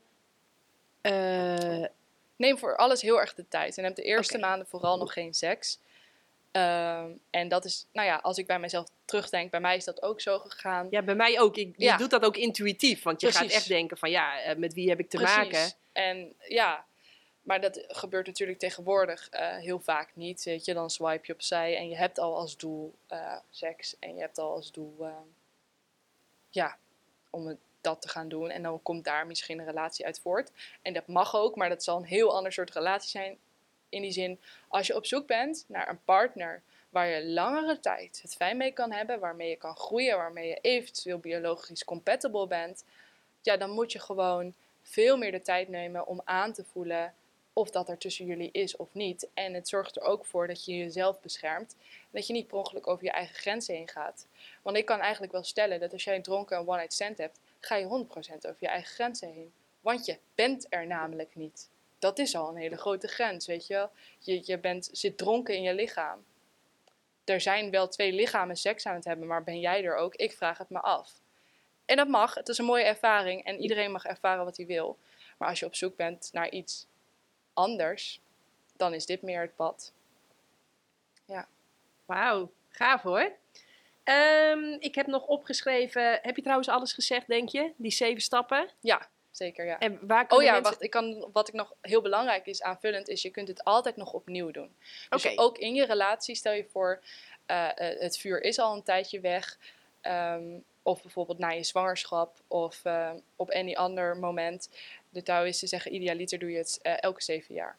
Dus Oh, even dan begin weer, je gewoon weer opnieuw. even weer opnieuw, want je zult ook zien gedurende je la- relatie zul je altijd nog weer triggers opbouwen en altijd nog weer scheurtjes krijgen in die sluiers. Sowieso, die sluiers zijn in onze jeugd al een beetje gescheurd. Er zijn, we hebben al dingen gezien of dingen gevoeld of ervaren die eigenlijk nog niet, nou ja, bijvoorbeeld iets uit sluier 4, terwijl sluier 1 is overgeslagen. Dan begint het dus ook een beetje poreuzer te worden. Ehm, en als je dus dan die reis door de sluiers opnieuw doet samen met je partner nou ja, als ik tegen jou zeg, ga nu een maand alleen je vriend aankijken, dan gaat gewoon iets gebeuren. Want ja, dat, is gewoon spannend en het is gewoon anders. Ehm, en dan komen er elke keer weer nieuwe dingen omhoog. En eh, wat mogen we maand 2 dan gaan doen? Dan mogen we. Ja, dan dus langzaam gaan weer gaan aanraken. Dus, ja, je kunt Zullen we, zullen we die zeven stappen onder de show zetten? Ja, is En eh, ik denk dat het voor iedereen die luistert leuk is om dat gewoon te gaan doen. Why Ja. not? En je kunt het ook, eh, je kunt het, zou het ook kunnen doen in een week bijvoorbeeld. En dan haal je een beetje, je verkracht een beetje het principe, zeg maar. Alleen, sorry, sorry voor het woord. maar ehm, dan alsnog, dat gaat je ook al iets brengen. Gewoon alleen al eh, een week lang of dat je het zeven weken doet. Zeven maanden heb ik in alle eerlijkheid nog nooit opnieuw gedaan. Maar goed, Dat was wel het ideaal en dat zouden we. precies. Ja, precies. Dus als je denkt van, eh, wow, wij hebben nu eh 5, 6, 7, 8, 9, 10 keer per week seks. Dan zou ik zeggen, begin even met een week elkaar alleen aankijken. Dat is dan waarschijnlijk. Ja, of En- ja, het ligt eraan. Heb je, is het kwalitatieve seks voor jou of niet? Dat Ja. mag, mag jij zelf bepalen. Ja. Ik denk, eh, kwantiteit zegt niks. Echt niet. Nee, dat snap ik. Ja. Maar ik bedoel, hè, Ja. eventjes over toch dan betutteling. Ja. Dan, dan kan ik me voorstellen dat je, dat, dat je echt zeven maanden denkt van wow. ja precies. Of een maand, wow. ja. Even kijken. Ehm, ik heb ook nog opgeschreven van... ehm, waarom denk je dat seks lekker is gemaakt? Heeft dat een reden? Heeft dat een god, een creator? Een, een, een, wat, wat, wat is de reden? Wat, wat, Ja, nou allereerst voortplanting. Dat is gewoon heel biologisch. Eh, we moeten gewoon voortplanten. Het zit ook, ehm, het zit ook in de. Je hebt ook verschillende stressreacties. Dus dat is fight, flight, eh, freeze. Dan heb je daar nog eh, drie of vier andere reacties die wat minder bekend zijn. Ik ken ze niet allemaal uit mijn hoofd. Maar onder andere eentje daarvan is fuck. Dus letterlijk in onze stressreactie zit ook seks hebben. Dat is ook een reden waarom heel veel oorlogsgebieden daar wordt heel veel verkracht. En dat komt omdat de mannen in het leger, die krijgen dus als stressreactie, gaan ze neuken. Ehm, dat is natuurlijk heel verdrietig, maar wel, wel biologisch. omdat, Eh, het, omdat het een tool is voor de man om te ontladen, letterlijk en figuurlijk. dat, ja, en het is ook gewoon, het, het- het is essentieel om je voor te planten. Een soort van, weet je, ik, ik kan me voorstellen dat, dat het gewoon logisch is als je bijna de dood aankijkt, dat je nog snel even je voortplanting doet. Eh, Ik ben geen bioloog, het zal vast eh, complexer in elkaar zetten. Maar, ehm, en daarnaast, seksualiteit is ook een hele mooie eh, tool naar meer bewustzijnsverruiming. En ik denk dat daarom ehm, seks ook zo lekker is, zeg maar. Want als je dus meer, meer vanuit je lichaam eh, seks gaat ervaren en dus ook meer met jezelf, ehm, zelfbeminning of eh, monocultivatie kan je dat noemen. Dus echt aanwezig zijn bij jezelf, zonder dat je per se eh, een orgasme hoeft te hebben, maar het door je heen laat stromen, de seksuele energie. En dat dan op een bepaalde manier verzamelt in je lichaam, dan is dat, wordt ook wel het levenselixer genoemd. Het is gewoon, seksuele energie zijn we uitgeboren, eh stroomt de hele dag door ons heen. Het is hetzelfde als creatieve energie, hetzelfde als levensenergie. Het alles waarmee je iets doet, kan je ook seksuele energie noemen. Ehm, dus ik snap wel dat het lekker is, want het is namelijk je, je, je voeding. Het is een soort van alles wat jou in leven houdt. Het is eh, het gouden knetterlichtje stroomt je door je heen, weet ik veel hoe je het wil benoemen. Maar ehm, ja, het is echt zeker wel iets wat als je het op de juiste manier weet te sturen, super krachtig kan zijn. Eh, maar het heeft dus ook die eh, tegenzijde dat, dat je dus. eh, dat het je Stel je juist, voor, ja. je hebt superveel seksuele energie, maar of je bent daar niet van bewust of je hebt er geen raad mee. Is dat ook de reden dat sommige vrouwen bij wijze van spreken wel tien kinderen willen? Ja, ja, ja, ja. Bijvoorbeeld, ja, dat, dat is echt zo, want eh, er zit superveel energie in je eierstokken. En eh, met het geval van kinderen spelen er twee dingen, maar onder andere dus dat je heel veel energie hebt en dat je niet weet hoe je die energie in je eierstokken ergens anders naar kan kanaliseren dan naar seks. Terwijl als je dus weet te sturen in je hele lichaam en meer vanuit je hele lichaam eh, seks gaat hebben, maar vooral ook zelfbeminning gaat hebben, dan kun je dat meer gaan sturen en dan kan het ook naar creatieve uitingen komen. Ehm, en met kinderen is het ook dat heel veel mensen willen heel graag zich voller voelen. Nou, zelfbeminning is de weg naar je voller voelen, maar dat eh, kennen wij niet. En met vol bedoel ik dat je dus energieker bent. Heel veel mensen voelen ergens wel een soort leegte in zich. Ehm, en dat willen ze dan opvullen met seks, maar ook met kinderen. Want dan denken ze. Ja, of, of met eten. Of met eten, kan ook. Ja. Maar onder andere dus ook wel met kinderen van als ik ja, als dat kind er is, dan, dan krijg ik die, voel ik me niet meer alleen of niet meer leeg of whatever. Eh, en dat speelt heel vaak wel samen, want als je niet weet waar je je seksuele energie heen kunt sturen, voel je waarschijnlijk ook leger. Want ja, dan ja, kan je niet, die, niet het naar binnen terugsturen en die volheid er echt van ervaren. Ja. He- helder. Ehm, je hebt al een paar keer het woord zelfbeminning genoemd. Ja. Wat, wat is dat? Ja, eh, we hebben vier fases van seksualiteit. Ehm, de eerste is jezelf ontdekken. De tweede is elkaar ontdekken. En verder dan dat komen we over het algemeen in, in het Westen niet in onze seksualiteit. En dan heb je de derde fase is jezelf beminnen. En de vierde fase is elkaar beminnen.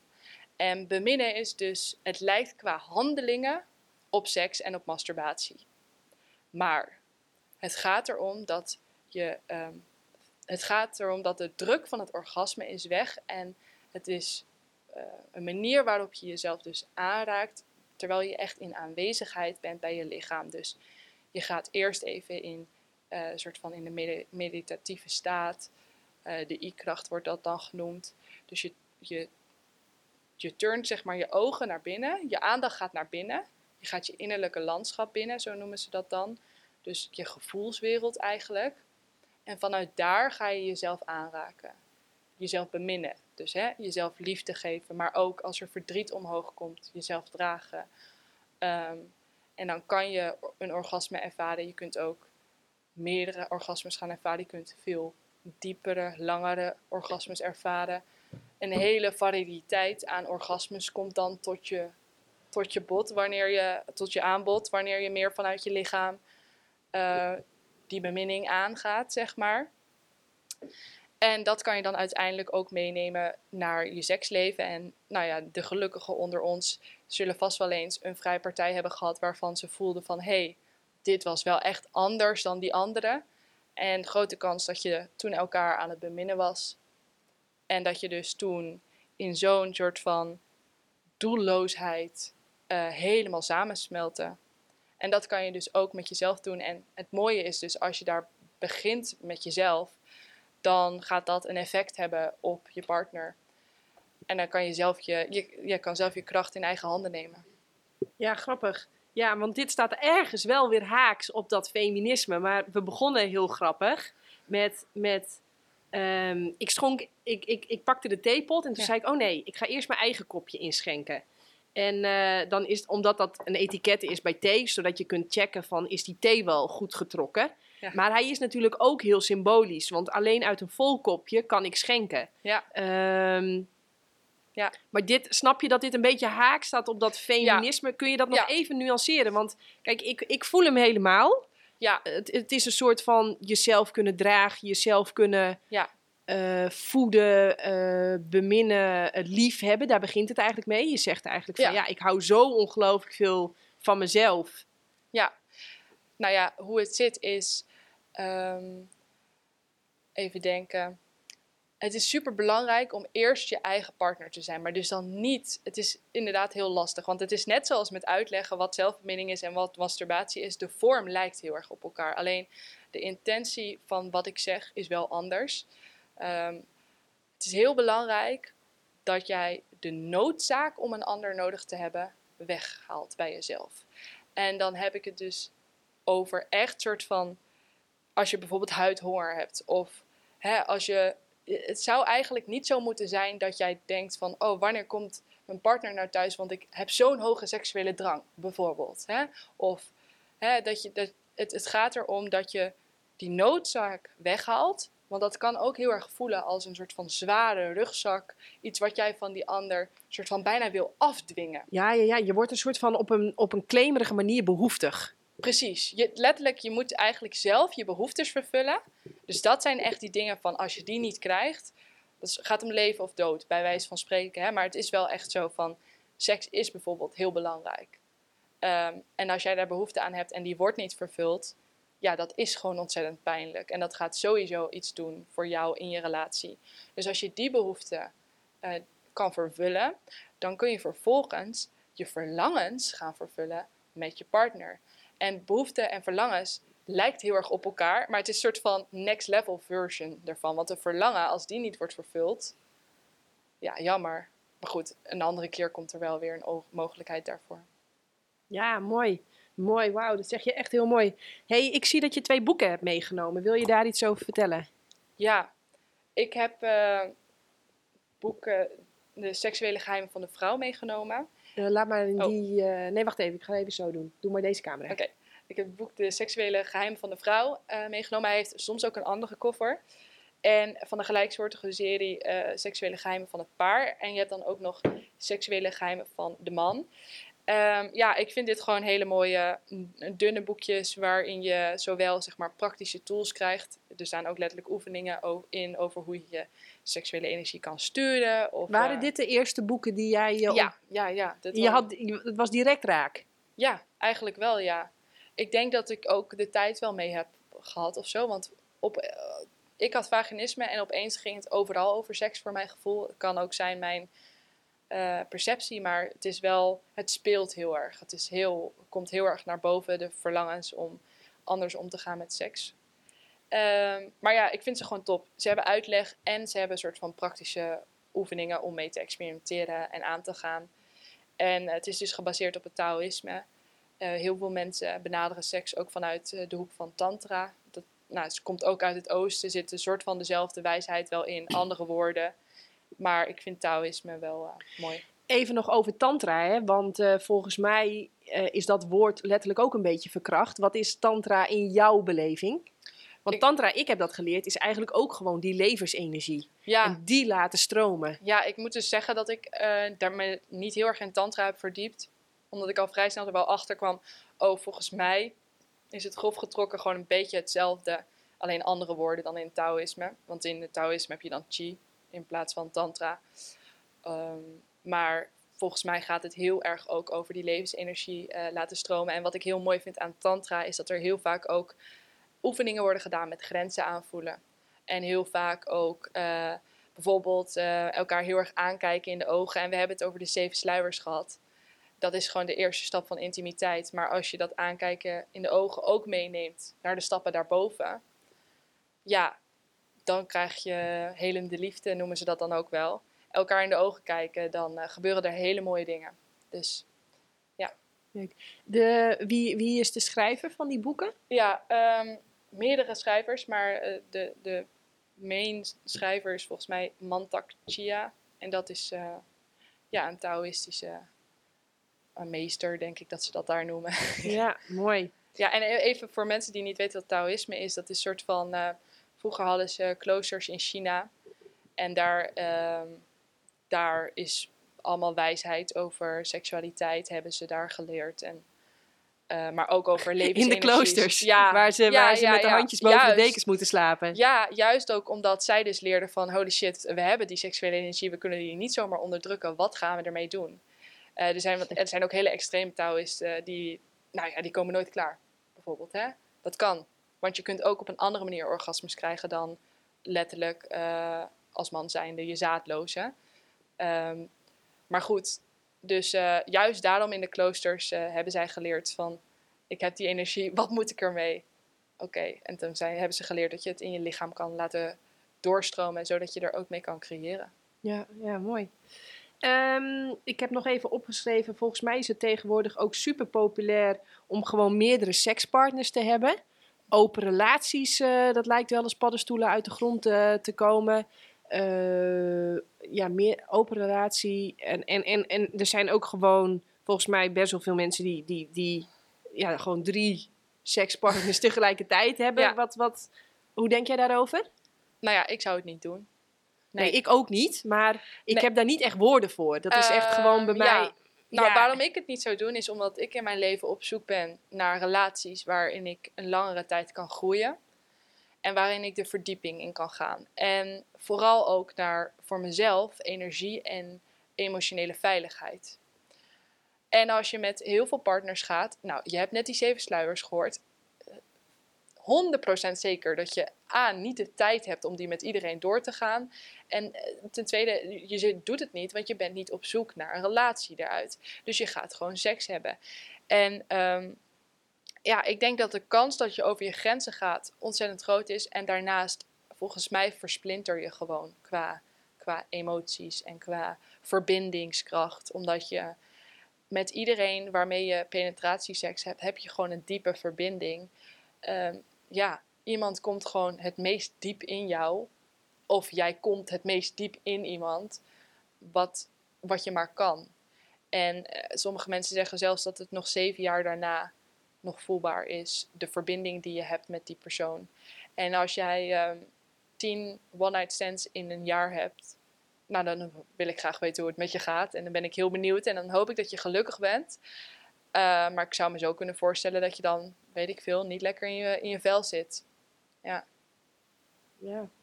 ja precies. hey, en, en wat ga je doen? Stel je voor, je komt erachter dat je partner heel veel porno kijkt. Ja, dan zou ik dus zeggen, ga jezelf beminnen. hoe, hoe, hoe misschien tegenstrijdig dat klinkt. Ah, wacht eventjes. Als, Ja. alsgene die eh, porno kijkt? Nee, of nee, kom nee, als de ander. Ja. Oké, dus stel je voor, je komt erachter van, eh, oh, ik heb een partner die, eh, en ik heb een mapje op zijn computer gevonden. Ja. en daaruit blijkt eh, dat hij helemaal into de porno is, weet ik veel wat. Dan, wa- wa- wat doe je dan als andere partij, als ontdekker, om het maar even Nou zo ja, te zeggen? het, het ligt er natuurlijk aan wat voor relatie je hebt. Maar ik ben iemand, ik kan niet iets niet zeggen. Ehm, en dat werkt meestal heel effectief. Soms krijg je wel even conflict, maar dat is ook heel effectief. Ehm, dus ik zou in ieder geval wel zeggen van... eh yo, ik heb dit gezien en eh, waarom doe je het? Ik zou niet direct gaan oordelen, want dat is weer zo'n eh, ja, zo'n moederfout, moeder, moeder, moederenactie vind ik dan. Ik vind, ja, als, als partner zijnde moet je altijd de ander de vrije wil geven om te doen wat hij zelf wil. En je kan nooit iets bepalen voor een ander. Dus ik zou gewoon vragen, waarom doe je dat? En hoor dan ook het verlangen, weet je wel. Er zal een verlangen zijn, er zal een leegte zijn, er zal een behoefte zijn. En eh, nou, waarom zei ik zo snel zelfbeminning? Is omdat je uiteindelijk, wat de reactie van je partner zal zijn, daar heb jij geen invloed op. Daar heb ik geen invloed op. Ik heb geen idee wat je partner gaat zeggen. Maar waar je wel altijd invloed op hebt, is wat je zelf doet. En daarom zou ik gaan zelfbeminnen, omdat ehm, je wordt gewoon een soort van, nou ja, vruchtbaarder. eh, je krijgt een soort van gezond stralingje om je heen. En je gaat steviger in je eigen lichaam zitten. En eh, dat gaat je partner vanzelf opvallen. En dat werkt aanstekelijk. En dan eh, op een gegeven moment zal die ook wel denken van, hmm, hmm, hmm, wat gebeurt daar? En misschien komt er ook al wel wat verdieping in, in, in je seksualiteit.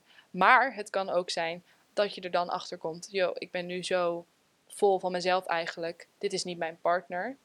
Ehm, maar ja, dat zou ik gaan doen. En dan kan je altijd later nog een keer weer zeggen van, hé, hey, ik vind het eigenlijk niet fijn. Of heb je wel door dat je mij nu gaat vergelijken met de plaatjes die je kijkt of whatever. Ehm, maar ja, in het begin ook gewoon de ander heel erg de ruimte geven om zijn eigen proces aan te gaan.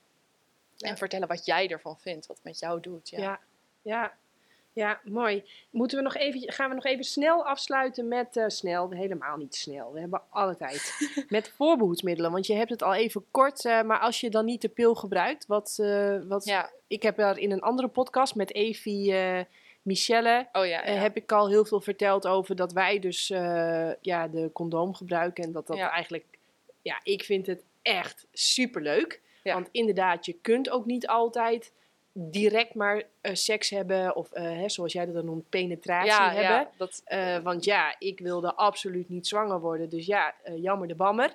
Dus daarmee ga je automatisch al richting die zeven stappen. Want dat kan gewoon niet. precies, ja.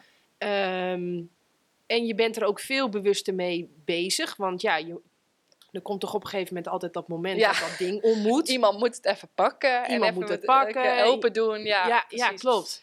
Ja, ik zou eh, ook eh, de condoom aanraden. Gewoon simpelweg omdat het is echt zonde eh, om jezelf plat te gooien met hormonen. Want ze zijn er juist om jou te dienen. Ehm, en het haalt aan alle kanten, fysiek gezien, bloed weg waar het wel zou moeten stromen. sappen weg waar het wel nat zou moeten zijn. Ehm, ik zou ook zeker geen mannenpil als die straks komt. Maar dat is een hele andere podcast. Maar wat ik in ieder geval... Ja, ik raad dus de condoom aan. Wacht En- even, een mannenpil? ja, dat willen ze nu maken. Ja. Maar dat, ja, dat gaat gewoon hetzelfde verhaal zijn als voor vrouwen. Maar dan voor mannen. En dat lijkt mij erg schadelijk. Want dan leg je onze testosteronbommetjes plat. Maar goed, dat is een Ja, oké, maar het is gewoon net zo schadelijk. Alsof het nu niet schadelijk is voor de vrouw. het Tuurlijk, is echt super schadelijk ook maar voor de ja, vrouw. eh, zeg maar, daarin zie ik dan wel weer van... Kijk, als je... eh, natuurlijk is het voor de vrouw ook super schadelijk. Want die eh, kunnen daardoor minder goed eh, hun eigen vrouwelijke zijn zijn. Maar als je dat bij de mannen gaat doen...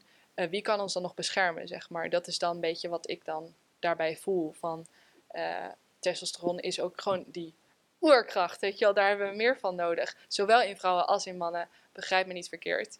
Maar ik denk dat dat, ja, als, het, als we dat aan onze jongens gaan geven, dan nou, daar, daar ben ik geen fan van. Ehm, dus ik zou zeggen, ga gewoon aan de condoom. En voor alle mensen die zeggen, ja, maar dat is vervelend. Ja, maar dat is bla bla bla. Eh, nou, sorry, ik weet niet waar je het over hebt. Weet je? Eh, ja, Ja, ik weet ook niet waar je over ja hebt, maar... dat is, het is gewoon... nou ja, sterker nog, er zijn echt best wel veel mannen die het gewoon echt niet willen. Nou er ja, zijn heel veel vrouwen die ik zou zeggen... tegen de vrouw die dat heeft, ren weg. Sorry, maar dat is echt... De, Ja, ja, ja, de man heeft de eer om in jou te zijn. In jouw lichaam. En net zo goed als dat jij de eer hebt om hem in jou te ontvangen. Maar het is een, een, een super basic grens. En als die niet gerespecteerd wordt, welke grens wordt dan wel geres- gerespecteerd? En natuurlijk, het is fijner zonder, dat snap ik ook wel. Maar ja, je kunt ook dunne condooms kopen. Je kunt ook, ja, uiteindelijk als je er echt tijd in wil investeren. kies de juiste maat. Precies, dat soort dingen. En als je er echt tijd in wil investeren, kan je ook je vruchtbaarheid zelfstandig tracken. Maar dan moet je echt als vrouw zijnde wel eh, veel kennis hebben over de cyclus. En eh, daar veel tijd aan besteden. Elke dag je slijm bekijken, je temperaturen meten. Eh, voor mij is dat niet te doen. ehm, waar ik nu sta in mijn leven. Maar dat zou ook altijd nog een optie zijn. Maar ik denk, ja, als jij het een uitdaging vindt in je seks eh, om een condoom om te doen, dan daag ik je uit om je seks te veranderen. Zodat dat geen uitdaging meer is. Eh, want ja, het is, kan ook even een moment van rust zijn, een moment van bestilling. En daarna kan het genot weer extra omhoog komen. Het is gewoon een mooi bewust keuzemoment. En ja, waar hebben we het over? Drie minuten van je vrije partij hoogstens. Dus Ja, ja, ja. Oh, er schoot me net iets te binnen. Eh, en dan vergeet ik het weer. Eh, we hadden het over die condoom. Eh, nee, ik weet het gewoon niet meer. Nee, over die mannenpil, of niet? nee, Ik denk het niet. nee, ik weet het niet. Ik moet echt die pen in mijn hand houden en direct Ja, opschrijven. maar het- je luistert ook zo goed. Ik zie het aan je. ja, ja, nee, ja, ik... dat is heel mooi juist. Onverdeelde aandacht. Hè? En Gewoon aanwezig zijn in je lichaam. Dat is ook nog een ding. Als je meer jezelf gaat beminnen, of in ieder geval meer je eigen lichaam gaat aanraken, zul je ook meer overdag ook eh, aanweziger zijn in je eigen lichaam. Ja, ik zeg altijd tegen iedereen die ik ook coach: één oog naar binnen, één oog naar buiten. Maar hou dat ene oog naar binnen. Ja. Je hoeft daar verder niks mee te doen, maar gewoon wel waarnemen. Van, oh ja, grappig, hoe is het gewicht nu verdeeld tussen mijn billen? Ik zal even recht gaan zitten. Ik voel nu de hele tijd dat mijn rechterbal van mijn voet is koud. Oh ja, dat soort dingen. Ja. Dat soort dingen, maar dat je, dat je ja, echt gewoon letterlijk de hele tijd eigenlijk, ja, noem het eh, de populaire term bodyscan. Mhm. Maar hou die scan, blijf, blijf bij die energie Ja. die door je lichaam Blijf in je lichaam, ja. blijf aanwezig. En dat, dat kan echt tegelijk. Je kunt gewoon altijd één oog naar binnen hebben en één oog naar buiten. Precies. Ik denk dat we hem hebben. Ja. Ja, er is nog veel meer over te vertellen, maar eh, Wat wil Ja. je nog vertellen dan? voor nu, ja, weet ik niet. Voor nu denk ik echt van, ehm, praat erover. Vooral dat. Ook als je geen kennis erover hebt. Juist als je er geen kennis over hebt, stel vragen. En als kind en ouder zijnde, het is super normaal dat jouw kinderen niet met jou willen praten over seks. Probeer dat ook niet te forceren. Het is gewoon gezond dat een kind niet met zijn vader, moeder, zeker een puber, die wil echt niet met zijn ouders het hebben over seks. Ehm, en daarom wil ik dan ook uitnodigen, mocht je tante zijn, mocht je nicht zijn, mocht je neef zijn of oom. Ehm, als je een keer een grappige opmerking hoort van je neefje of nichtje, spring in en ga het gesprek aan. En dat doe ik ook met mijn neefje en nichtje die in de puberteit zitten. Dan maken zij een grappig grapje ergens over en ik weet gewoon, daaronder zit een vraag. En die gaan ze niet aan hun ouders stellen. Heel logisch, want dat hoort ook niet. Ehm, en dan kan jij de persoon zijn die wel met ze dat gesprek aangaat. En dingen vertelt vanuit je eigen persoonlijke ervaring. Want we willen gewoon weten, oké, porno-seks is het niet, wat dan wel? En vertel jouw struggles of jouw dingen. Ja. Of, ja. Ja. En, eh, en, en dat je er niet met je ouders over wil hebben, dat is super normaal. Dat is, eh, dat is toch gewoon het beschermingsmechanisme. Je gaat die puberteit, ik heb wel eens geleerd dat die er letterlijk ook is om je af te zetten tegen je ouders, want je wordt vruchtbaar. Ja. En het zou inteelt worden als je aantrekkelijk en Precies. interessant en te lief en te aanhankelijk wordt naar je ouders. Dus zodra je die vruchtbare fase eraan komt, moet je je ook afzetten, zodat je je eigen zi- gezin gaat creëren om die inteelt te voorkomen. Precies. En je gaat heel veel stappen van die, heel veel van die intimiteitsstappen ga je wel in met je ouders. Hè? Bijvoorbeeld daar knuffel je ook mee. Of vroeger als kind zijn heb je daar ook een kus op de mond mee gegeven. En juist daarom is het een kwetsbare relatie en ga je niet. Ja, er, op een gegeven moment zijn er gewoon grenzen. Net zoals dat het prima is om op, als de kinderen nog heel jong zijn, seks te hebben waar zij bij zijn. Maar op een gegeven moment voel je als ouders een grens. Eh, en die grenzen zijn er gedurende de hele opvoeding weer opnieuw. Nou, ik moet wel zeggen dat als je seks hebt en je dochter zegt ineens hallo, dat ik... Ja, ik- dan is dus die grens erop. eh, misschien is dit de grens, weet je wel. Of, eh, Ja. dan, dan, ik weet niet, maar dan ben ik, dan ben ik... Nee, precies. Nee, dat snap ik. Want dan is eer over jouw grens heen gegaan. Ja. Want er is een deur binnengelopen waar je, waarvan jij niet wou dat het ging. Ja, En zo hebben wij allemaal onze grenzen. ja, En die mogen Ja. we aangeven en aanvoelen. ja, ja, Ja. mooi. We gaan hem afronden, hè? Ja. Ja, super. Voor jou heel erg bedankt voor het luisteren. Zelfs misschien, eh, of bedankt als je zelfs misschien hebt gekeken. Vind je dit gaaf? Deel het volop op je social media. Je mag het ook liken, doorsturen. Eh, je mag ook naar de knop jannekevandermeulen.nl gaan en dan zoeken naar de knop doneren. Ehm, heb ik alles gezegd? Ja, Noah, jij heel erg bedankt. Ook voor je openheid, eh, de bak aan kennis die je hebt. En ik weet niet wie ik daarvoor moet bedanken, maar echt heel gaaf dat je op mijn pad bent gekomen. Ja. Ik heb letterlijk heel veel werk ervan gemaakt om aan het universum of aan, aan wie dan ook te vragen van... Breng mensen op mijn pad die nieuwe dingen tegen mij zeggen. Die, en, en jij, toen jij het woord vaginisme zei, ik dacht echt, hoor ik het goed? Ja, dan, dan Ja, alsof ik echt een turbo-injectie krijg. Dat, dat vind ik dan zo gaaf. Ik hoor een nieuw woord, ik hoor eh, Ja. iemand die daar zich helemaal in heeft gespecialiseerd. Nou, gelukkiger kun je me niet maken. Dus ik ben echt heel dankbaar. Eén, dat je op mijn pad bent gekomen en wie dat heeft gemanifesteerd, daarmee heeft geholpen. Dank je wel. ja, Eh, sowieso ook met alles andere waar je me mee helpt.